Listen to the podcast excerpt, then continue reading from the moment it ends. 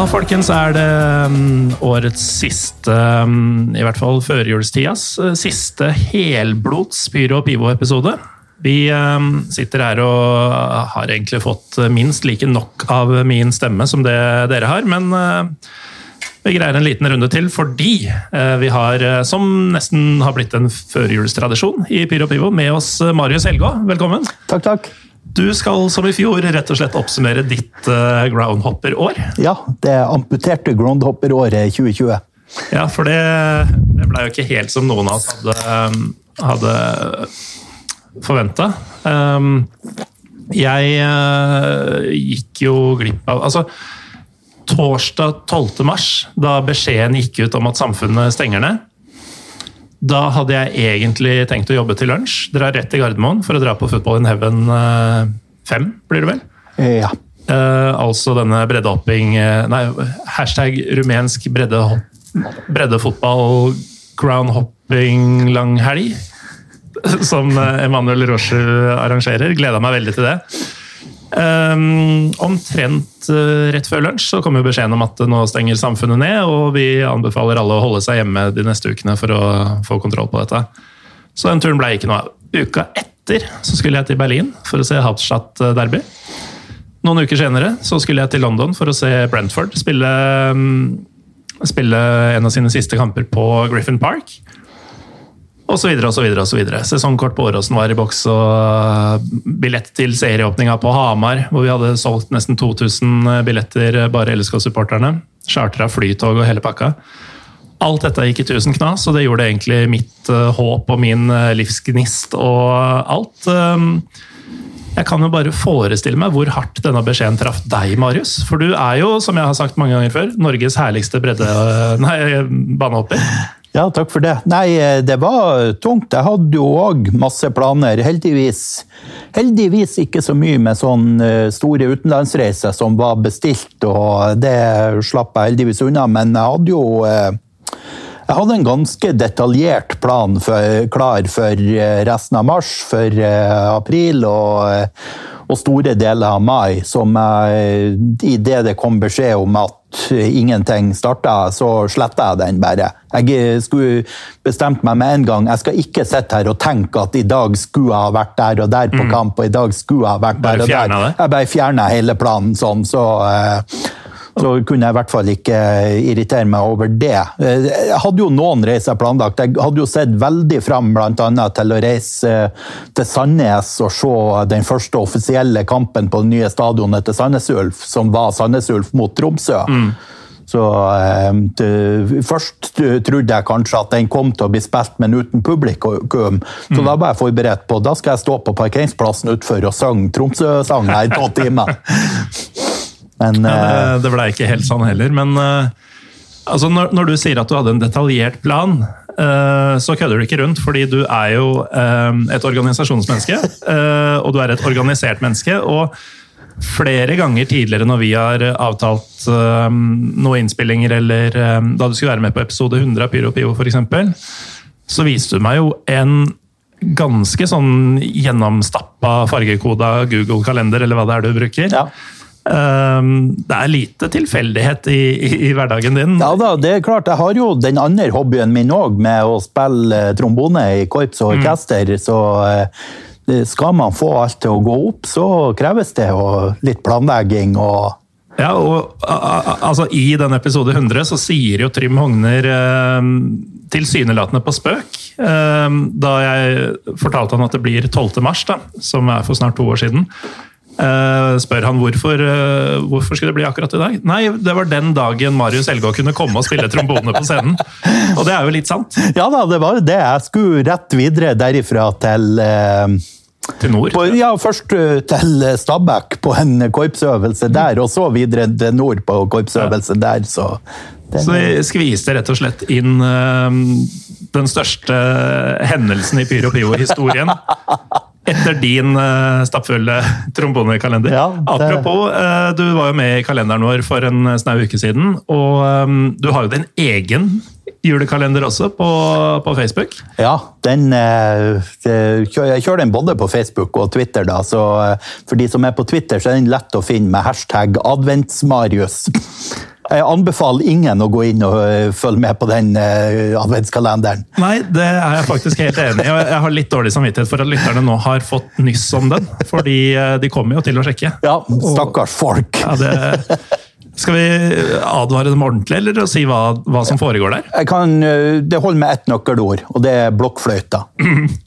Say no more. Nei, og den den på 30 pluss i Norge som ikke er traumatisert av det ordet fra tidligere, vil bli det av å, av å klikke seg inn på, på ja, dette her. Absolutt.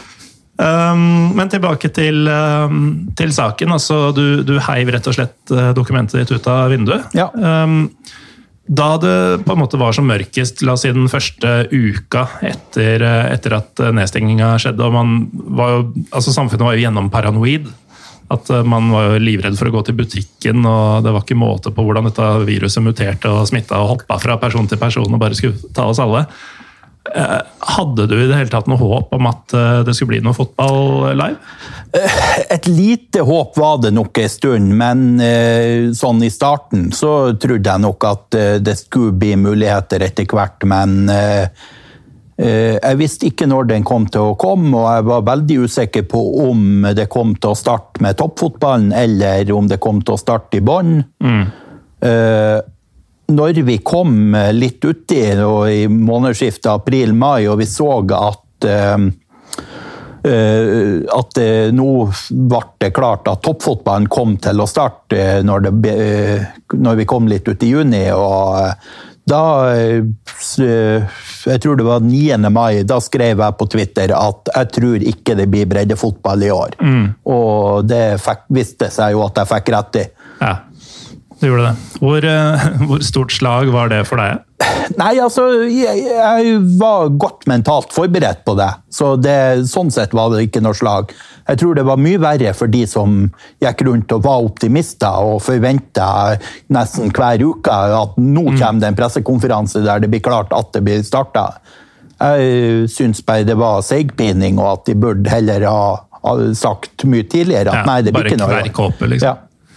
Men uh, man kommer jo i hvert fall i gang med mm, holdt på å si det som betyr noe for sånne som meg. da, ja. uh, etter hvert. Og selv da så var det jo um, altså, Da man starta med Eliteserien førstedivisjon og, og Toppserien for kvinner og sånne ting, så um, var det jo den der 200 personers grensa med strenge, strenge avstandsforhold og, og, hele den pakka der som alle allerede vet alt om. Um, for min del så har det liksom ikke frista å, å gå på kamper uh, i, under de forholdene. Mm. Men um, da, da, man omsider åpna og man så at dette er måten man kan få se fotball i år, hva, hvordan opplevde du det? Eh, nei, det var eh, litt sånn eh, blanda altså, på de kamper, Veldig mange av de kampene jeg ville ha gått på uansett, så ville det jo aldri ha vært 200 publikum. Nei. Eh, Eller mindre enn to meter mellom hver. så det var eh, Nei, det, så det var aldri noe problem for meg. Men jeg tror nok at for meg hadde jeg bodd i Tromsø, f.eks., så ville jeg ha følt litt det samme om det å gå på Alfheim mm. som du gjør, gjorde om å gå på Åråsen. At det frister ikke, rett og slett. For det, var, for det, var, ikke en ekte fotballkamp, sånn sett. Nei, ikke sant. Og um, vi, vi snakka litt om dette her uh, over Messenger tidligere, før vi, før vi, fant ut at vi skulle lage denne episoden. Fordi du fortalte at du har sett så og så mange kamper i år, og sånn, og så sa jo jeg først at jeg hadde sett én. Uh, hvor det viste seg at nei, jeg har jo sett uh, to. Fordi da jeg var i Polen i februar, så, så føltes det bare så mye lenger uh, ja. siden. At det ikke kunne være samme år som vi er inne i nå, men det var jo faktisk det. da. Ja. Så um, det skulle jo da bli den siste og det er fortsatt den siste, enn så lenge. ordentlige kampen med ordentlige forhold, som jeg har sett. Um, veldig glad for at jeg dro på den turen på den tiden, sånn i ettertid. For ellers så ville jo dommedag 2019 eh, vært det siste jeg opplevde. Men um, hva, ble, hva, ble, årets første Eller du hadde jo flydd ned en god del treningskamper. Jeg hadde jo faktisk eh, altså Da den 12. mars så hadde jeg 16 kamper allerede på treningskamper på ymse nivåer rundt omkring på Østlandet. Jeg hadde hatt som et mål i år å, å få tatt litt av de hallene som er rundt omkring. Eh, jeg hadde fra før sett kamp i Manglerudhallen og LSK-hallen hadde jeg jo vært flere ganger. For der spilles det jo seriekamper òg. Mens i år fikk jeg da både den Kongsvingerhallen, Valdres Storhall og Telemarkshallen fikk jeg sett treningskamper i. Og de, de, de, hallene er jo sånn at skal man få sett kamp der, så må man nesten gå, dra på en treningskamp på vinteren, for det er det som spilles der. Så det var veldig greit og sånn. Så jeg hadde Jeg lå jo mye bedre an i midten av mars enn hva jeg hadde gjort tidligere år med mm. å eh, eh, dra av gårde et høyt antall kamper i år. Ja, for du, Er det sånn at du hvert år prøver å forbedre en rekord? Eh, nei, i fjor landa jeg jo på 179 kamper.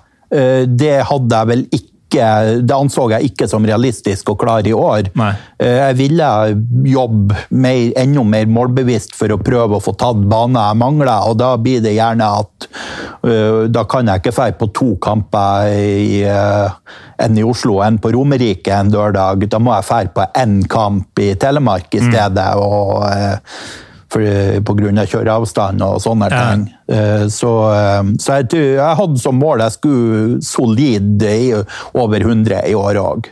Men eh, men så, så smalt det jo. Ja. Men da, da, vi kom til midten av mars, da, og alle omstendighetene forandret seg, hva, hvor mange treningskamper og sånn hadde du fått med deg da? 16. 16 ja. Det er jo frekt før, eh, før sesongstart. Ja da, jeg starta eller det avslutta fint med kamp både fredag, lørdag og søndag den mm. siste helga før det stengte ned.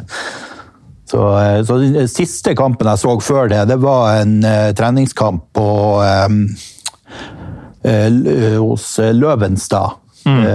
Uh, helt vest i Rælingen, på grensa mot Lørenskog. Stemmer det. Og det var så trist vær den dagen. Det var vått og jævlig.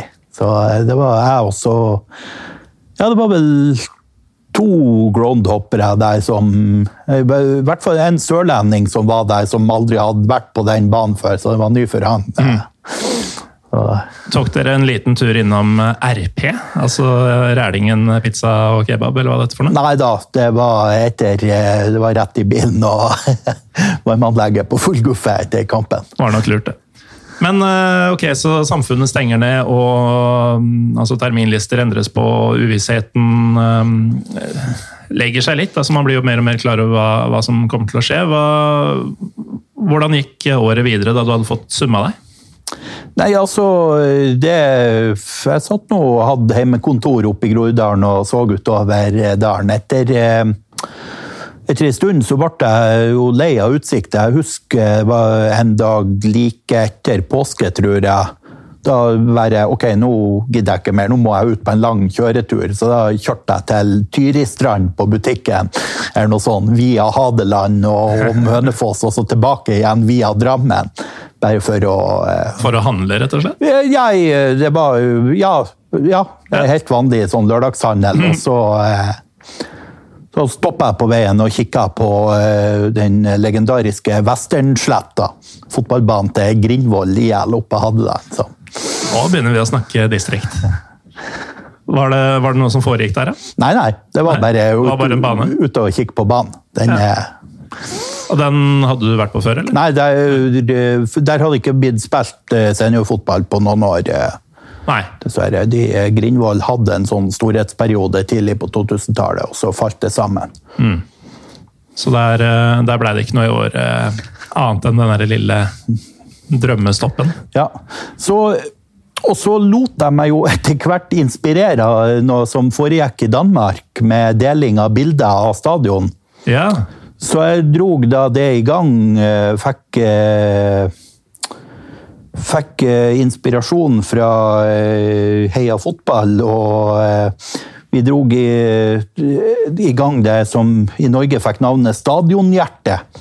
Der man rett og slett legger ut en tweet med bilde av en fotballbane. Ett til fire bilder, som er det om Guy Berrien-tweet. Mm. Og beskrivelse av hvilken bane det er, og den hashtaggen stadionhjerte, så har jeg da plotta alle de tweetsene som har kommet med det inn i et kart. Så, eh, så det har vært litt sånn artig fotballrelatert tidtrøyte innimellom i år. Og så har jeg òg tråla litt gamle tweets fra diverse for å uh, få dekket opp uh, ganske mye. Så der uh, er det nå Det må begynne å nærme seg 1500 baner av alle typer. Det er både vanlige stadioner og både gress og kunstgress, men òg grusbaner mm. og løkke og ballbinger og sånn som er dokumentert der. Så det det blir en ganske svær greie. Så den håper jeg at kan fortsette. og har dabba litt av med tilgangen på bilder nå ute på høsten, ettersom mm. snøen har begynt å lagt seg rundt omkring. Snøen den kommer eh, også i år. Men um, apropos dette med altså, navnet Stadionhjerte. Um, du sier det jo selv at det var mange forskjellige baner.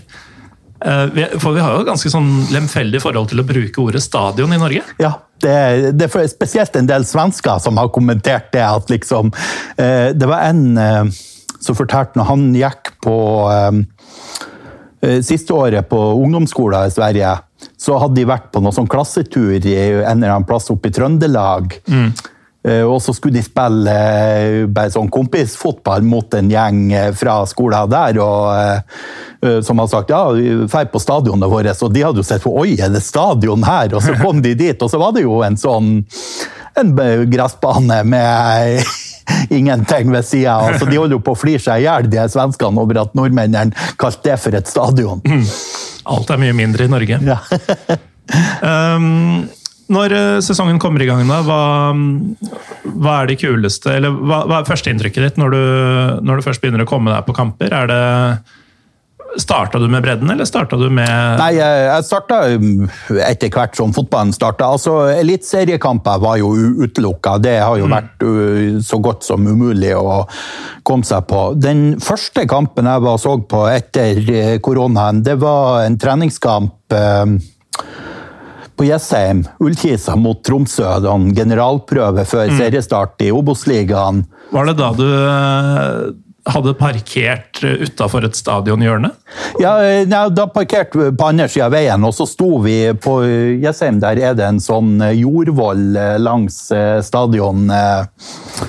Uh, mellom veien og stadion. Så vi var et par-tre stykker som sto oppå mm. jordvollen der hele kampen og så den fra hjørnet. Det var uh, helt kurant gikk en runde i pausen og så om det var noe bedre plass å stå, men det var det ikke, så vi endte opp der i andre omgang òg. Jeg husker etter kampen så, eh, så ropte jeg 'heia TIL', og han eh, treneren til Tromsø han hørte men han skjønte ikke hvor lyden kom ifra. Han ble stående ute på i midtsirkelen, for han gikk rundt og takka dommeren og sånn for kampen. og var stående og kikke seg rundt og bare Hva i alle dager kom det ifra?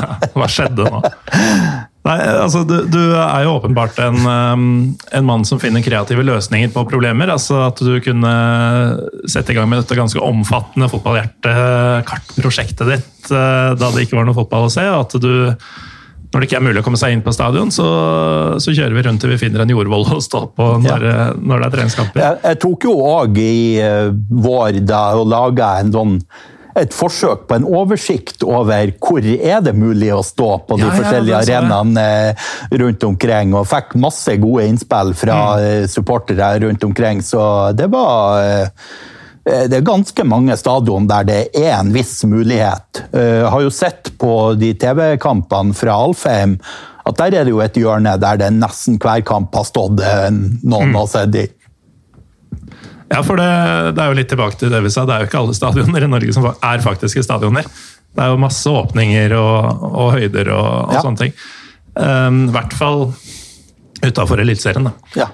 Ja. ja, det blir jo mer og mer sånn jo lenger ned i systemet man kommer. Så. Mm. Men uh, da, altså langt utpå sommeren, så kommer jo serien i gang igjen. Um, hvordan var eh, altså, Da du faktisk kom inn på en tribune da, for første gang, um, hvordan opplevdes det? Altså fra, fra, det du er vant til? Nei, altså, Den første ordinære kampen jeg var og så med en ordinær billett, og sånn, det var Strømmen mot Grorud. Mm. Uh, og det var jo veldig spesielt, for uh, all ære til Strømmen, men de har veldig få publikum. Og, så det var nesten flertall av Grorud-sympatisører på den kampen. Mm. Det var, så det var jo litt spesielt. Men altså, Strømmen-supporterne hadde jo den fordelen at de hadde en organisert fanklubb som mm gjorde noe med sanging og greier. Det hadde på det tidspunktet ikke Grorud, så det var jo ikke noe de, de, de dominerte ikke feltet, sjøl om de i antall nok var vel så mange mm. på den kampen. Eh, Men du sier på den tida hadde ikke Grorud noe organisert? Har du fått det gjennom De har fått uh, Ultras Grorud. Har de, har de bitt godt fra seg, eller? Ja, de, på de siste kampene har vært eh, nå på sensommeren på Grorud, så, og i høst eh, så har det vært uh, trøkk fra dem. Mm. Både sanging og banner og eh, det er litt gøy. Ja. Um, det, det, er jo sikkert mange som uh, holder med kanskje spesielt Vålerenga, men sikkert også litt sånn Skeid Lyn uh, og sånn som er fra de traktene. Mm. Som uh, som i mangel på å si, den ordentlige versjonen av sitt eget lag, ja. Eh, kan, eh, kan, ha det gøy med Grorud. Selv om jeg jo håper at dette Ultras Grorud er Jeg tror Ultras Grorud, Der er det litt sånn familietilknytning på de som har vært den harde kjerne. Ja. Litt sånn brødre og søstre. Mm. Så, men det ser ja, det, bra ut. Høres bra ut. Og du, du, nevnte jo du bor jo i Groruddalen, så du har sikkert vært og sett dem en del? Jeg har vært på en del Grorudkamper i år, ja. Jeg har mm. ikke fintært, men det må være en fire eller noe sånt. Ja. Ja. Nei, det, det, stemmer sikkert, ja. Eh, Marius. Og om ikke, så kan vi alltid slå det opp i dette eh, dette dokumentet du har oppretta, hvor du ja. loggfører alle kamper du eh, er på. Eh, men du starta altså med, med, Strømmen Grorud, og um, ikke så veldig lenge etter så skulle du få se um, ditt Tromsø på nettopp Grorud. Ja, det var jo òg Når jeg var på den Strømmen Grorud, så jeg kjenner jo noen av de folkene i klubben i Grorud. Mm. Så var det en av de som sa til meg Send meg en mail, Marius, så fikser jeg akkreditering til deg. Så da fikk jeg faktisk fotoakkreditering på Grorud Tromsø. og det ja det gikk jo sånn som det bruker å gå når jeg ser Tromsø borte. De tapte. det var eh, sesongens første tap for Tromsø, som jo da hadde ni seire eller noe sånt på eh, rad. Og så eh, var det da underdogen Grorud som vippa dem ned med en helt fortjent seier. Mm. Altså, tenk det. Nå, nå, sitter jo du og jeg i visshet om at begge våre lag rykker direkte opp til uh, Eliteserien. Eh, dere som seriemester for øvrig, gratulerer. Ja. Um, men det er altså henholdsvis et lag som tapte mot Grorud, og et lag som tapte mot Stjørdalsblink, ja. uh, som går opp. Det er uh, merkelige greier, den divisjonen der. Altså. Ja, jeg laga en liten oversikt på det, så uh, Skal vi se om jeg finner den igjen. Det er klart de gjorde det. Altså den over hvor mange poeng Hvor mange poeng eh, de tre topplagene eh, Tromsø, Sogndal og Lillestrøm hadde tatt imot eh, mm. Se hva den kan hete. Topplagpoeng. Det hørtes ut som rett fil. Det høres riktig ut. Så da er det jo faktisk sånn at Tromsø eh, tapte poeng mot Grorud og Øygarden. Uh, Lillestrøm har tapt poeng mot Øygarden. Uh, skal vi røpe at vi uh, ikke Vi er litt i forkant med innspillinga her, ja, så vi vet jo ennå ikke hvordan kan Lillestrøm Kan fortsatt mot Grorud. Ja, og Sogndal har avgitt poeng mot Grorud og mot Kongsvinger. Mm. Så Altså, Lillestrøm tok ett poeng mot Raufoss, ett poeng mot Ullkisa. Ja. Tapte kamper mot, mot Stjørdalsblink. Uh, rykker likevel opp. Det skal nesten ikke være lov. Ja, nei, det er, det er, veldig spesielt å se på den der oversikten mm. over hvor mye poeng man tok eh, sånn. Men uh, vi, vi, tar det. Ja. Um, utover sesongen av Marius, er det noen uh, høydepunkter eller dype avgrunner du vil trekke fram? Jeg veit at um, i rekordåret 2019 blir det, så, så, tok de og kjørte til Danmark for å, for å se et par ja. kamper på rappen der og sånn. Jeg ser jo på denne lista at du har vært litt rundt omkring i år også, selv med stengte grenser? Ja, jeg tok meg Jeg tok en tur til, til, til Arendal i midten av august. Bare en dagstur. Det fant jeg ut at i et år som i år, så er, så er det greit å kjøre en så lang tur for bare én kamp. Mm. og så tok jeg litt seinere i eh, starten av september så tok jeg en todagerstur eh, der jeg først var og så eh, Fløy på Flekkerøy mot Levanger. Da er vi i andredivisjon, Post Nordligaen. Mm. Uh, og så overnatta jeg i Kristiansand, og dagen etter kjørte jeg og så uh, Egersund mot Asker i Egersund. Så da fikk jeg to helt nye stadion, og, uh, og så fikk jeg en fantastisk heimtur. Da kjørte jeg den indre ruta gjennom Sirdal og Setesdal og mm. over i fjellet der. Det var helt fantastisk. Så det var altså um, litt sørlandsidyll, et par fotballkamper på nye stadioner og en idyllisk hjemreise? Ja, det var en skikkelig fin helgetur. Men uh, vaniljecola-shopping, det, det, ble det ikke noe av da? Nei, ikke da. Det, men uh, det fikk jeg faktisk uh, helga etter, i midten av september. Da var Värmland ennå gult. Og jeg konkluderte med at jeg skal greie å ferdes i Sverige uten å utsette meg for noe smittefare. Så da kjørte jeg over og så eh, to kamper på nivå 9 i Sverige. Det som heter divisjon 7. De har jo eh, verken eh, Ja, det er allsvenskene og Superettan. Allsvenskene og Superettan, og så begynner det med divisjon 1. Mm. Så divisjon 7 det er da eh, niende nivå. Så da var jeg like utfor Arvika og så to kamper der, og så stoppa jeg i Charlottenberg på tur hjem og fylt bagasjerommet med vaniljekola. Og det, det, er da den eh, Det er da det lageret jeg har tæra på resten av høsten. Men det høres jo ut som to innertiere av noen turer eh, på, på Marius Elgå-skalaen? Ja da, det var kjempeflotte turer. Eh, og det, altså den Både Fløy og Egersund da var det vel 200 som var maks antall publikum, så der hadde jeg vært i kontakt med klubbene på forhånd og fått sikra meg eh, billett. Det gjorde jeg òg i Arendal. Mm. Arendal hadde for øvrig det mest spesielle systemet for elektronisk billettsalg jeg har vært borti. Hvordan da?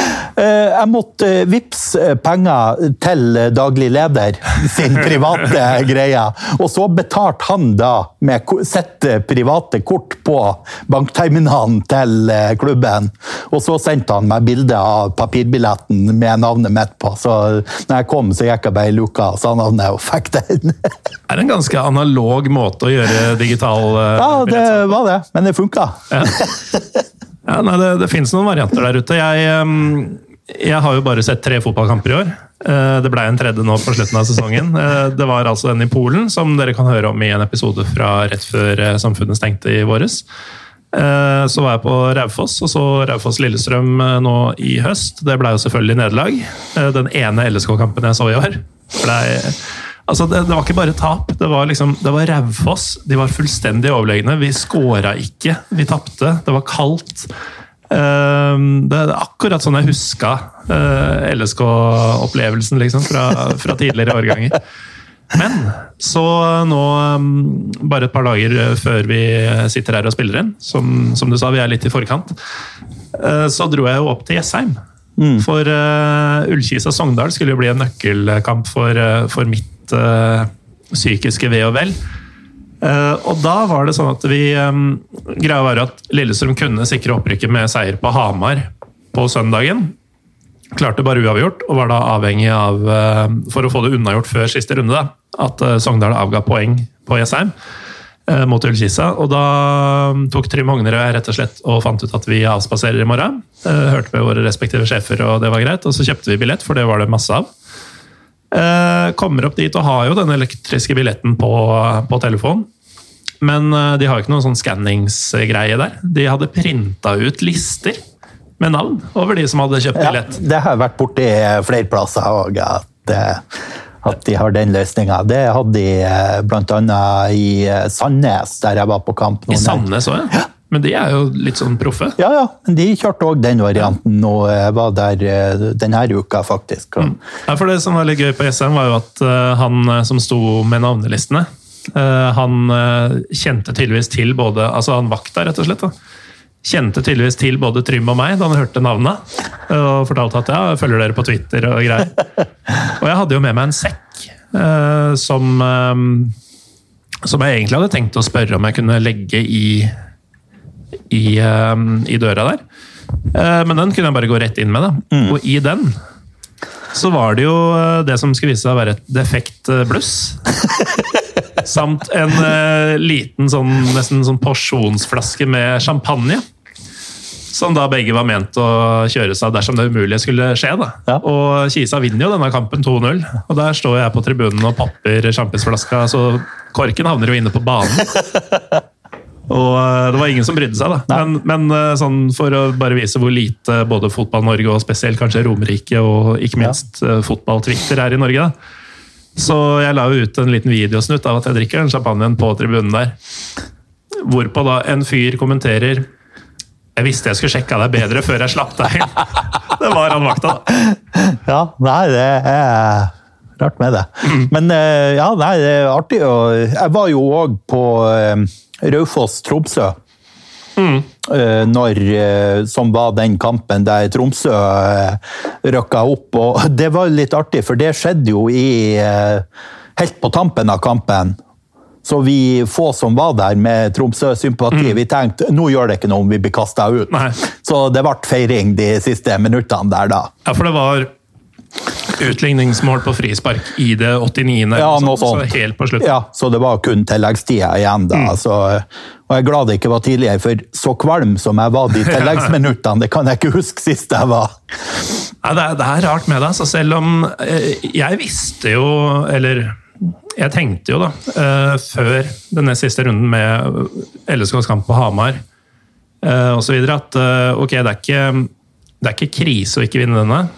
Eh, man vil jo ha det unnagjort så fort som mulig, men sånn, dersom vi spiller uavgjort, f.eks., så skal altså Sogndal vinne begge sine, og vi taper hjemme mot Grorud. Mm -hmm. Så jeg tenkte jo egentlig at det var et spørsmål om tid før opprykket var klart. Mens, og, og, det må jo du ha tenkt også, for det var ja, enda tidligere. Men... Litt sånn, eh, men samtidig, eh, Det jeg var mest spent på i høst, det var jo om Tromsø kom til å klare eh, seriemesterskapet. Jeg var ganske sikker på at opprykket skulle komme. Ja, Det var ikke jeg på våre vegne. Nei, det er nå så. Men jeg var uh, veldig spent. Og nå når vi gikk inn i sluttfasen, så så jeg jo det at Tromsø hadde to kamper igjen. Lillestrøm hadde tre. Mm. Og det var to poeng imellom, eller hva det var. Så, eh, så, så, Lillestrøm hadde alle muligheter til å gå forbi. Eh, men jeg hadde sagt lenge at den kampen som nok er skumlest for Lillestrøm, det er HamKam. Mm. Så det var når seriemesterskapet ble klart av den seieren der, så jubla jeg stort. Ja. Men uansett, det, det jeg skulle fram til, var at selv om man vet at man har ganske mange flere sjanser egentlig på å få dette i mål. Så når det først kan avgjøres Man, man blir uggen, altså. Blir det? Ja. Det var ikke noe hyggelig den, den søndagen, søndagen før, uh, før, Hamar. Jeg, jeg, pleier å være ganske god på helgefrokoster. Mm. Og spesielt når jeg driver med egg. Da er jeg liksom i mitt ess. Jeg måtte hive egga mine. sånn første forsøket. Jeg, jeg, var ikke i stand til å gjøre noe som helst uh, sånn fra ja, den første timen i hvert fall, som jeg var våken. Uh, helt speisa. Men uh, nå er det jo deg dette skal handle om, Marius. Uh, hva, hva, mer vil du trekke fram? Fra sesongen, tenkte du på? Ja. Så. Nei, eh, skal vi ha snakket I høst eh, så så var det jo ganske begrensa. Så i løpet av oktober så så jeg en hel del gutte 19-kamper. Mm. Og da prøvde jeg å prioritere litt baner der det ikke blir spilt seniorfotball, eller baner der jeg hadde vært før. Eh, men det var artig. Altså, Gutte 19 er høyt nivå på eh, mange plasser, så det Ja, det tror jeg på. Ja. Og her er det et par klubber jeg aldri har hørt om. Altså Vind 2. Ja. Hvor kommer Vind fra? Eh, helt sør i Gjøvik kommune, på grensa mot Østre Toten. Og Jardar? Jardar, de er vel i um, De møtte Haslum? Ja, jeg. jeg husker ikke om de er i Bærum eller i Asker. Det er i mm. grenseland der, uh, enten vest i Bærum eller øst i Asker. Mm. Var det noe, altså Nivået var høyt, sier du, men eh, var det noe, hva slags opplevelse var det å se på disse ungfolene drive og utfolde seg? Var det, kjentes det litt ut som pausefisk eh, på en måte, mens du venta på noe Nei, egentlig ikke. Altså, eh, mange av de gutte 19-kampene er jo mye bedre enn en kamp i 9. divisjon Akershus for senior. og 9. nivå i Sverige? ja. Så det, det kommer litt an på hva man er vant med, rett og slett. Så eh, nei, det var, eh, det var mye artig å se rundt omkring. Det var, mm. tok meg en tur opp til Brandbu og så Brandbu mot et sånn sammensatt eh, gutte 19-lag fra Toten. Og eh, da fikk eh, bortelaget noen dommeravgjørelser med seg, og da var det flere som påpekte at dommeren var fra Reinsvoll, som òg er på Toten. Da. Så eh, Åh, når det er sånn derre nedkokt lokalrivaleri mellom sånne bygder man aldri har hørt om, da er det ganske nydelig. altså. ja, ja. Men eh, det er en ting som er litt sånn eh, Som jeg ikke har tenkt på egentlig før nå, er jo at uh, eliteseriesupportere de tenker jo at de eh, har sett mye av Norge fordi de har vært på bortekamper i, altså Tromsø, Ålesund, Stavanger, uh, Bergen osv. Uh, gjerne mange ganger.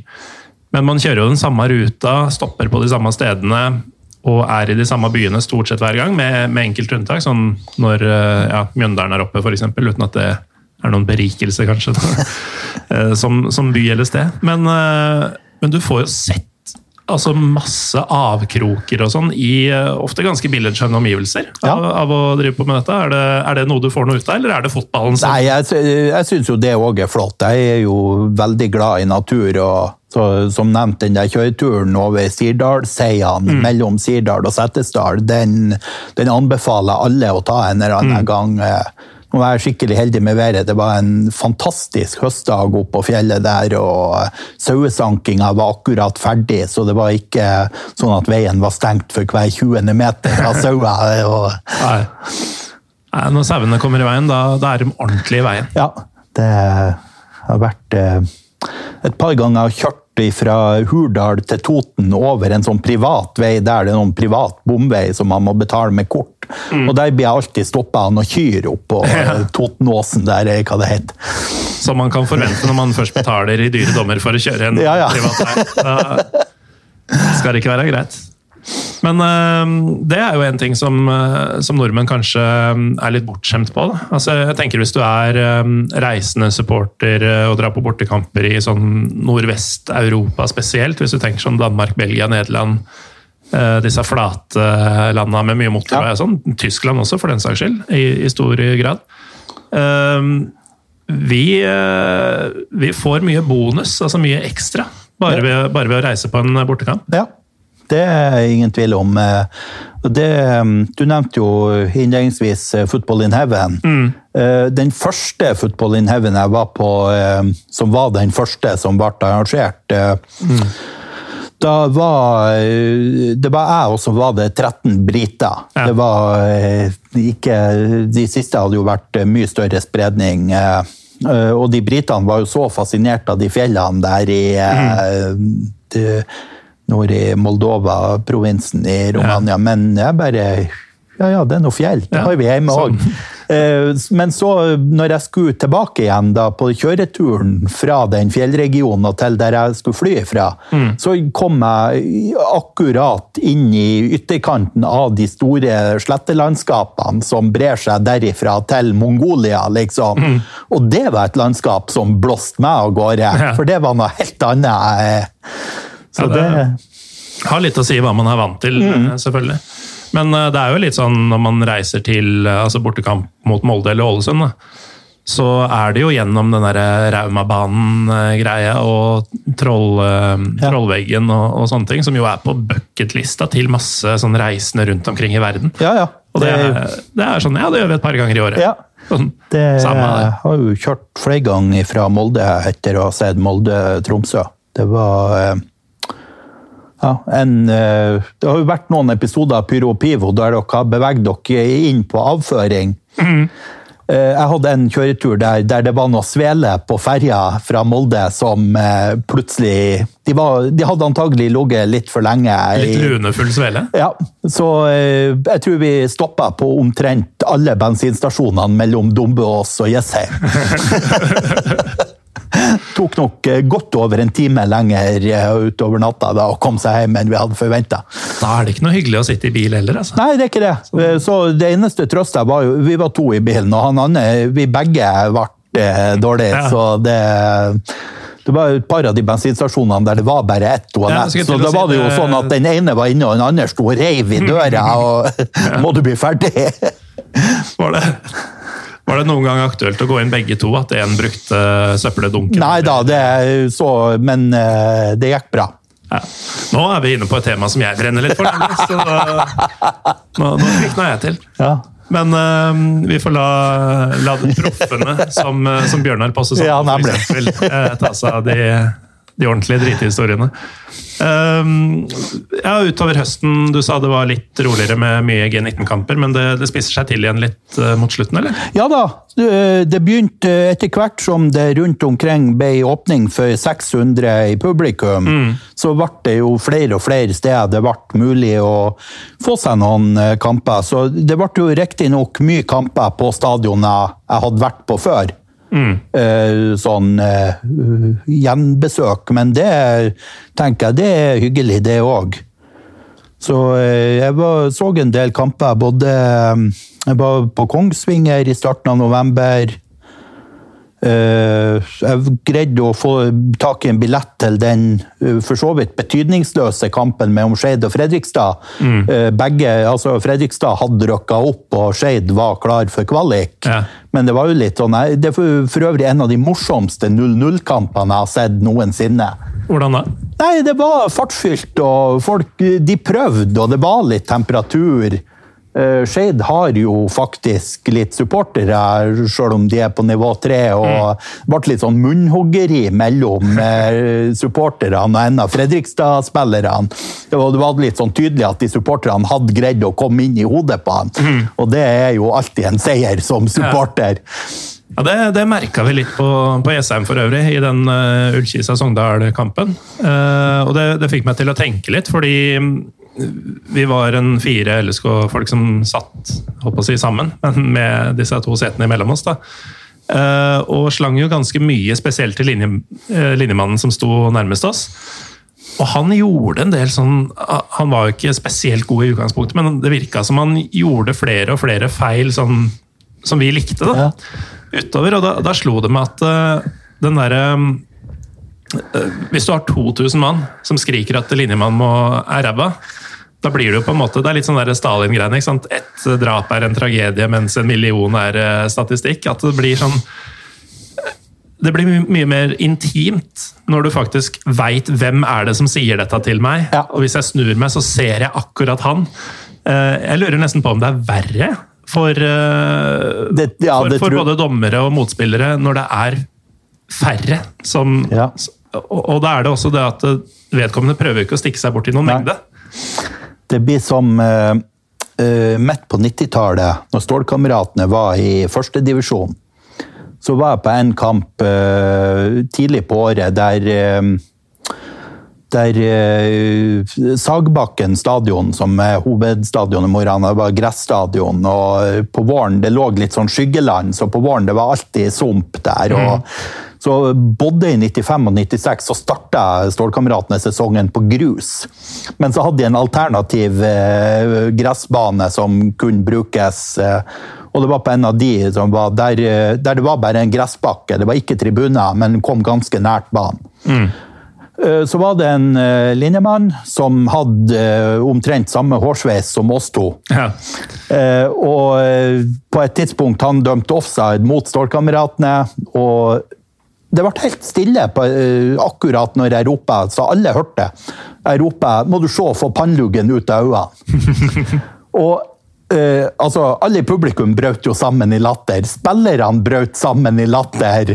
Og han linjemannen ble jo knall rød. Og dommeren satte et veldig stygt blikk i meg, for det, ble, det var veldig tydelig at det var jeg som ropa. Ja. Uh, Sånn, så jeg fant ut ok, nå må jeg holde lav profil en stund, her, så blir jeg faktisk kasta ut herifra. Men uh, det var fin. eh. Var fin, den. Um, siden det er såpass nærme julefreden, Marius, så, så må vi prøve å holde dette relativt uh, kort og greit, sånn at folk rekker å høre det før Sølvguttene, Sølvguttene uler. Uh, men uh, vi, vi, er jo ikke ferdige ennå. Du har jo fortsatt kamper å, å trekke fram. Ja da. Eh, det, fordelen med at det har vært noe hjemmekontor og sånn i høst, er jo at eh, jeg blir litt mer fleksibel enn vanlig med arbeidstida. Det har gått an å avspasere et par timer midt på dagen og mm. stikke opp til banen på Grorud og se et par 13-kamper. og og i dag, når vi spiller inn det her, så har jeg jo vært på Strømmen og sett en 13-kamp. Det var for øvrig en sørgelig affære. Ja, um, Det, det blei jo spilt to kamper i førstedivisjonen i dag, og den andre Eller det skulle bli spilt to andre. Altså, Apropos sørgelige affærer. Eh, Jerv mot uh, Åsane, var det vel? Ja. Som, uh, altså For en farse. Men, men, du, kampen din ble spilt, da? Ja, den ble spilt, og det var jo helt fine forhold, men det var bare det ble, Strømmen skåra ganske tidlig, og så utligna Blink litt senere. Og etter det så virka det som begge lagene tenkte at vi skal i hvert fall ikke tape denne kampen. Mm. Så vi tar heller og holder litt igjen offensivt. Og, ja. Så det var mye fram og tilbake, men så skjedde ikke noe særlig før han mål. Det stramma seg litt til de siste fem minuttene, men så Hender det noen ganger når du, altså i denne evige jakta på flere fotballkamper og sånn, at du tenker at i dag kunne jeg gjort noe annet? Sånn når du var på denne traurige lunsjkampen, f.eks.? At uh, Nei, egentlig ikke. Eh, det Nei.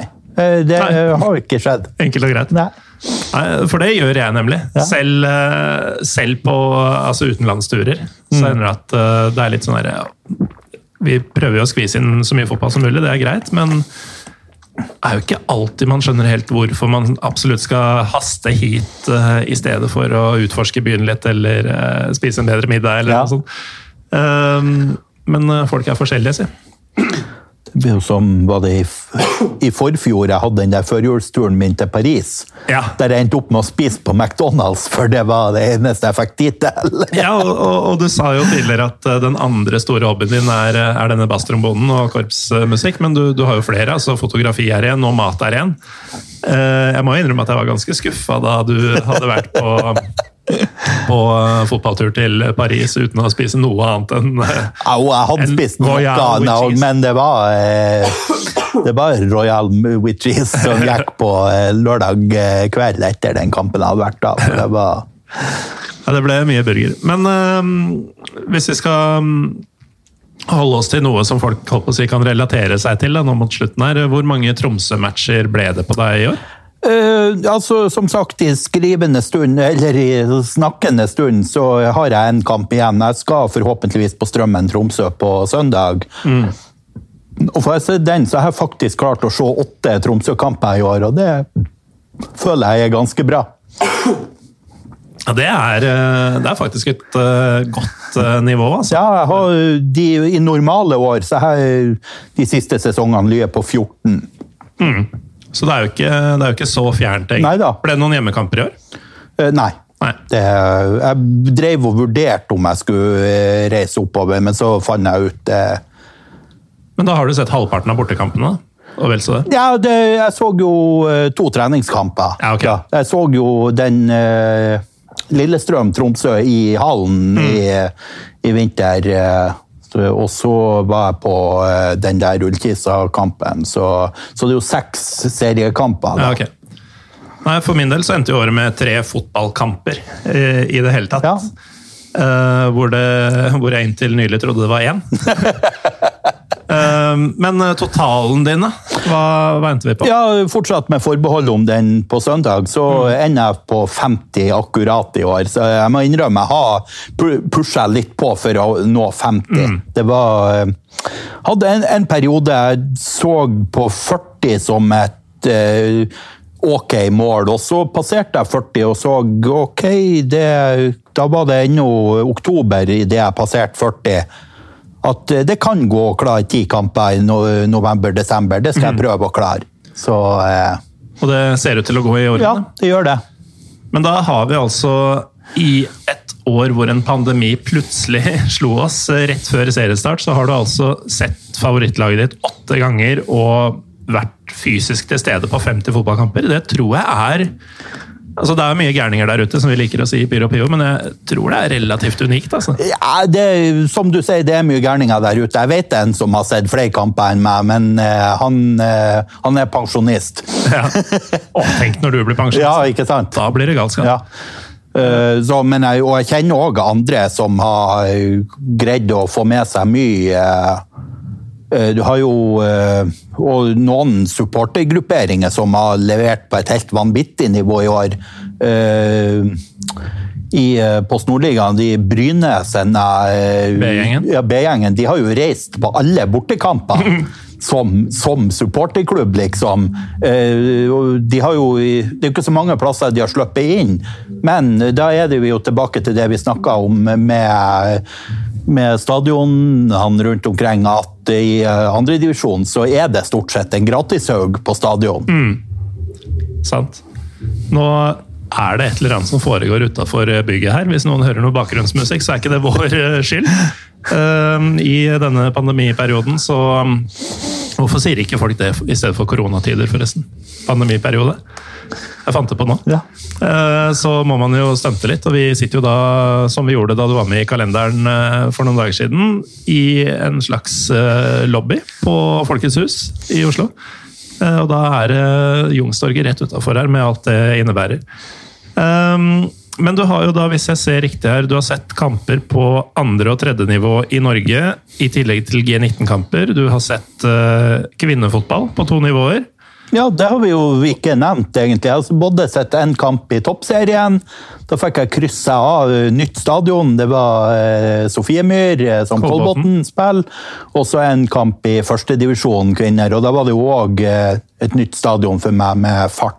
Mm. i så det, det, er jo en del nivåer uh, i Norge. Og så har du da også sett fotball i utlandet, faktisk. Ja. Uh, med disse niende nivå-matchene i Sverige. Samt en haug med treningskamper. Uh, så moralen i historien her er kanskje um, If there's a will, there's a way? Ja, det, ja, det tror jeg man kan si. Og, og jeg føler ikke at jeg har vært noe stor trussel for smittevernet rundt omkring. Eh, for, som, sant, tilbake til den turen til Sverige. Vi snakker om nivå 9. Jeg tror begge de kampene var det ca. 25 tilskuere på. Mm. 25 tilskuere rundt en fotballbane, da er det ikke noe problem å holde eh, avstand. Nei, og vi hadde jo denne episoden før før fotballen starta igjen, også med Egil Heinert, som driver med sannsynlighets- eller risikoberegning og, mm. og sånne ting. og Um, I den grad han er noen autoritet på dette, han uh, sier jo at uh, utendørs er smitterisikoen i praksis null. Um, med bare altså, enkle ting som en meters avstand, f.eks., så er den nærmest null. Så det, du skal ja. ikke ha dårlig samvittighet for å dra på, på den. Nei, da, jeg har jo det, og brukt munnbind når mm. Hvis det er trange partier man må gjennom for å komme inn på stadion, ja, ja. eller sånn. Det var litt mm da jeg var i Arendal, da kom jeg ganske tidlig, for jeg hadde jo, hadde jo kjørt fra Oslo, og det, da beregner man jo god tid, og så hadde jeg ikke noe mer å finne på, så jeg gikk nå bare til stadion og når det var åpna for å gå inn. og Da var det to smågutter som drev og sprang rundt på tribuner og leka. og eh, Så kom de og spurte skal du se kamp. Ja. Spurte jeg skal dere det. Ja, ja. Eh, men de hadde ikke billett, men de hadde funnet en plass rett oppe i skogen her, der man så nesten hele banen. Ja, det er jo din type folk, dette. Ja, ja, det var strålende. Men sånn uh, avslutningsvis da, så, så, må vi jo poengtere det at uh, du har sett fot 50 fotballkamper i år, men du tar jo åpenbart uh, smittevern på alvor i dette her. At det, det, er ikke noe sånn det er ikke noe sånn hoax Nei, absolutt fra... ikke. Det, mine munnbind står det ingen sånne budskap på. Ehm, hvordan ser du på tida framover? Nå snakker de om at man skal begynne så smått å rulle ut uh, vaksine allerede nå på nyåret. Uh, og så vil det jo ta tid før uh, alle får det, til at man kan lette på tiltak og sånn. Men har du håp for neste sesong om at Jeg prøver å holde håpet så lavt som mulig. Sånn, det jeg tror nok at i hvert fall frem til sommeren kommer det til fortsatt å være ulike begrensninger på plass. Mm. Det jeg kanskje er mest spent på, er hva som skjer med breddefotballen, om den får starte opp som normalt. Mm. Også når det gjelder toppfotballen, så tipper jeg det blir fortsatt publikumsbegrensninger fram til man har mer eller mindre full dekning på vaksinesida. Ja, Min drøm er jo at man La oss si fra august cirka, da, sånn pluss-minus halvveis i sesongen. Eh, at man da har dekning til at eh, man kan åpne ordentlig opp. At eh, Kanskje ikke helt fulle stadioner, men at man på Åråsen kan være f.eks. 7000 av de 11. Da. At, mm. at og, og, i det hele tatt, i stedet for den der flate greia med 200 eller 600, at man kan bruke de forskjellige stadionene på egnede måter. Ja. At, sånn som stadionet til Vålerenga ser jeg ingen grunn til at du ikke kan ha en 5000-8000 ja. med dagens situasjon ja. engang. Altså, det er jeg, jeg syns for så vidt det er fornuftig å ha begrensninger eh, på sånne plasser òg, for man må huske folk skal òg komme seg til og fra stadion. Mm. Så det er jo i stor grad det som er ja. en begrensning. Men, men jeg har òg ment hele tida at i stedet for at man hadde et sånn nasjonalt tak på 600, som mm. lokalt noen plasser har satt ned til 200, så burde man ha sagt at det nasjonale taket var en prosentandel. Mm. Eh, og så burde, hadde det vært opp til de lokale smittevernmyndighetene ja. å si at eh, ok, dere har mulighet til å ha 50% men vi syns ikke det er eh, forsvarlig. Dere kan ha maks 2000, eller dere kan ha maks 1000. Mm. Ja. Eller hva det måtte være, som man mm. lokalt kommer fram til. Ja, jeg er helt enig med deg der. Og, og, som du sier, det er jo faktisk mye logistikk uh, utenfor stadion ja. som, som man også må ta hensyn til. Ehm, da tror jeg vi er ved veis ende, Marius. Jeg tror det. Og nei, mjord, altså. I fjor på denne tida så, så, sang du til meg. Ja, den, uh, vi tar ikke noen repriser av den. Jeg har ikke skrevet noen ny sang heller. det... Nei, men Da trykker jeg rett og slett på slett-knappen her, og så får vi heller spille inn på nytt i morgen. når du har fått litt tid på det. Eller så får vi bare klare oss uten. Eh, hvis noen lurer på hva, jeg, hva i all verden jeg snakker om, så sjekk eh, det som jeg tror er episode 131 juleavslutning med Marius Elgå fra denne tida i fjor. Da, da fikk jeg kjørt meg. Ja, det var Da dro jeg fram en gammel tweet og Men uh, uansett, Marius, det er jo ingenting som, uh, som passer en, uh, en podkast av dette formatet bedre enn å avslutte med litt sånn godslige, godslige skrøner fra bredde-groundhopping-året ditt. måtte vi gjøre det samme neste år og neste år og neste år der igjen, med stadig høyere antall kamper og høyere antall publikummere tillatt på kampene. Ja. I mellomtida så får du ha god jul. Ja, du òg. Takk, takk. Og dere som hører på, får også ha god jul. Ha det bra.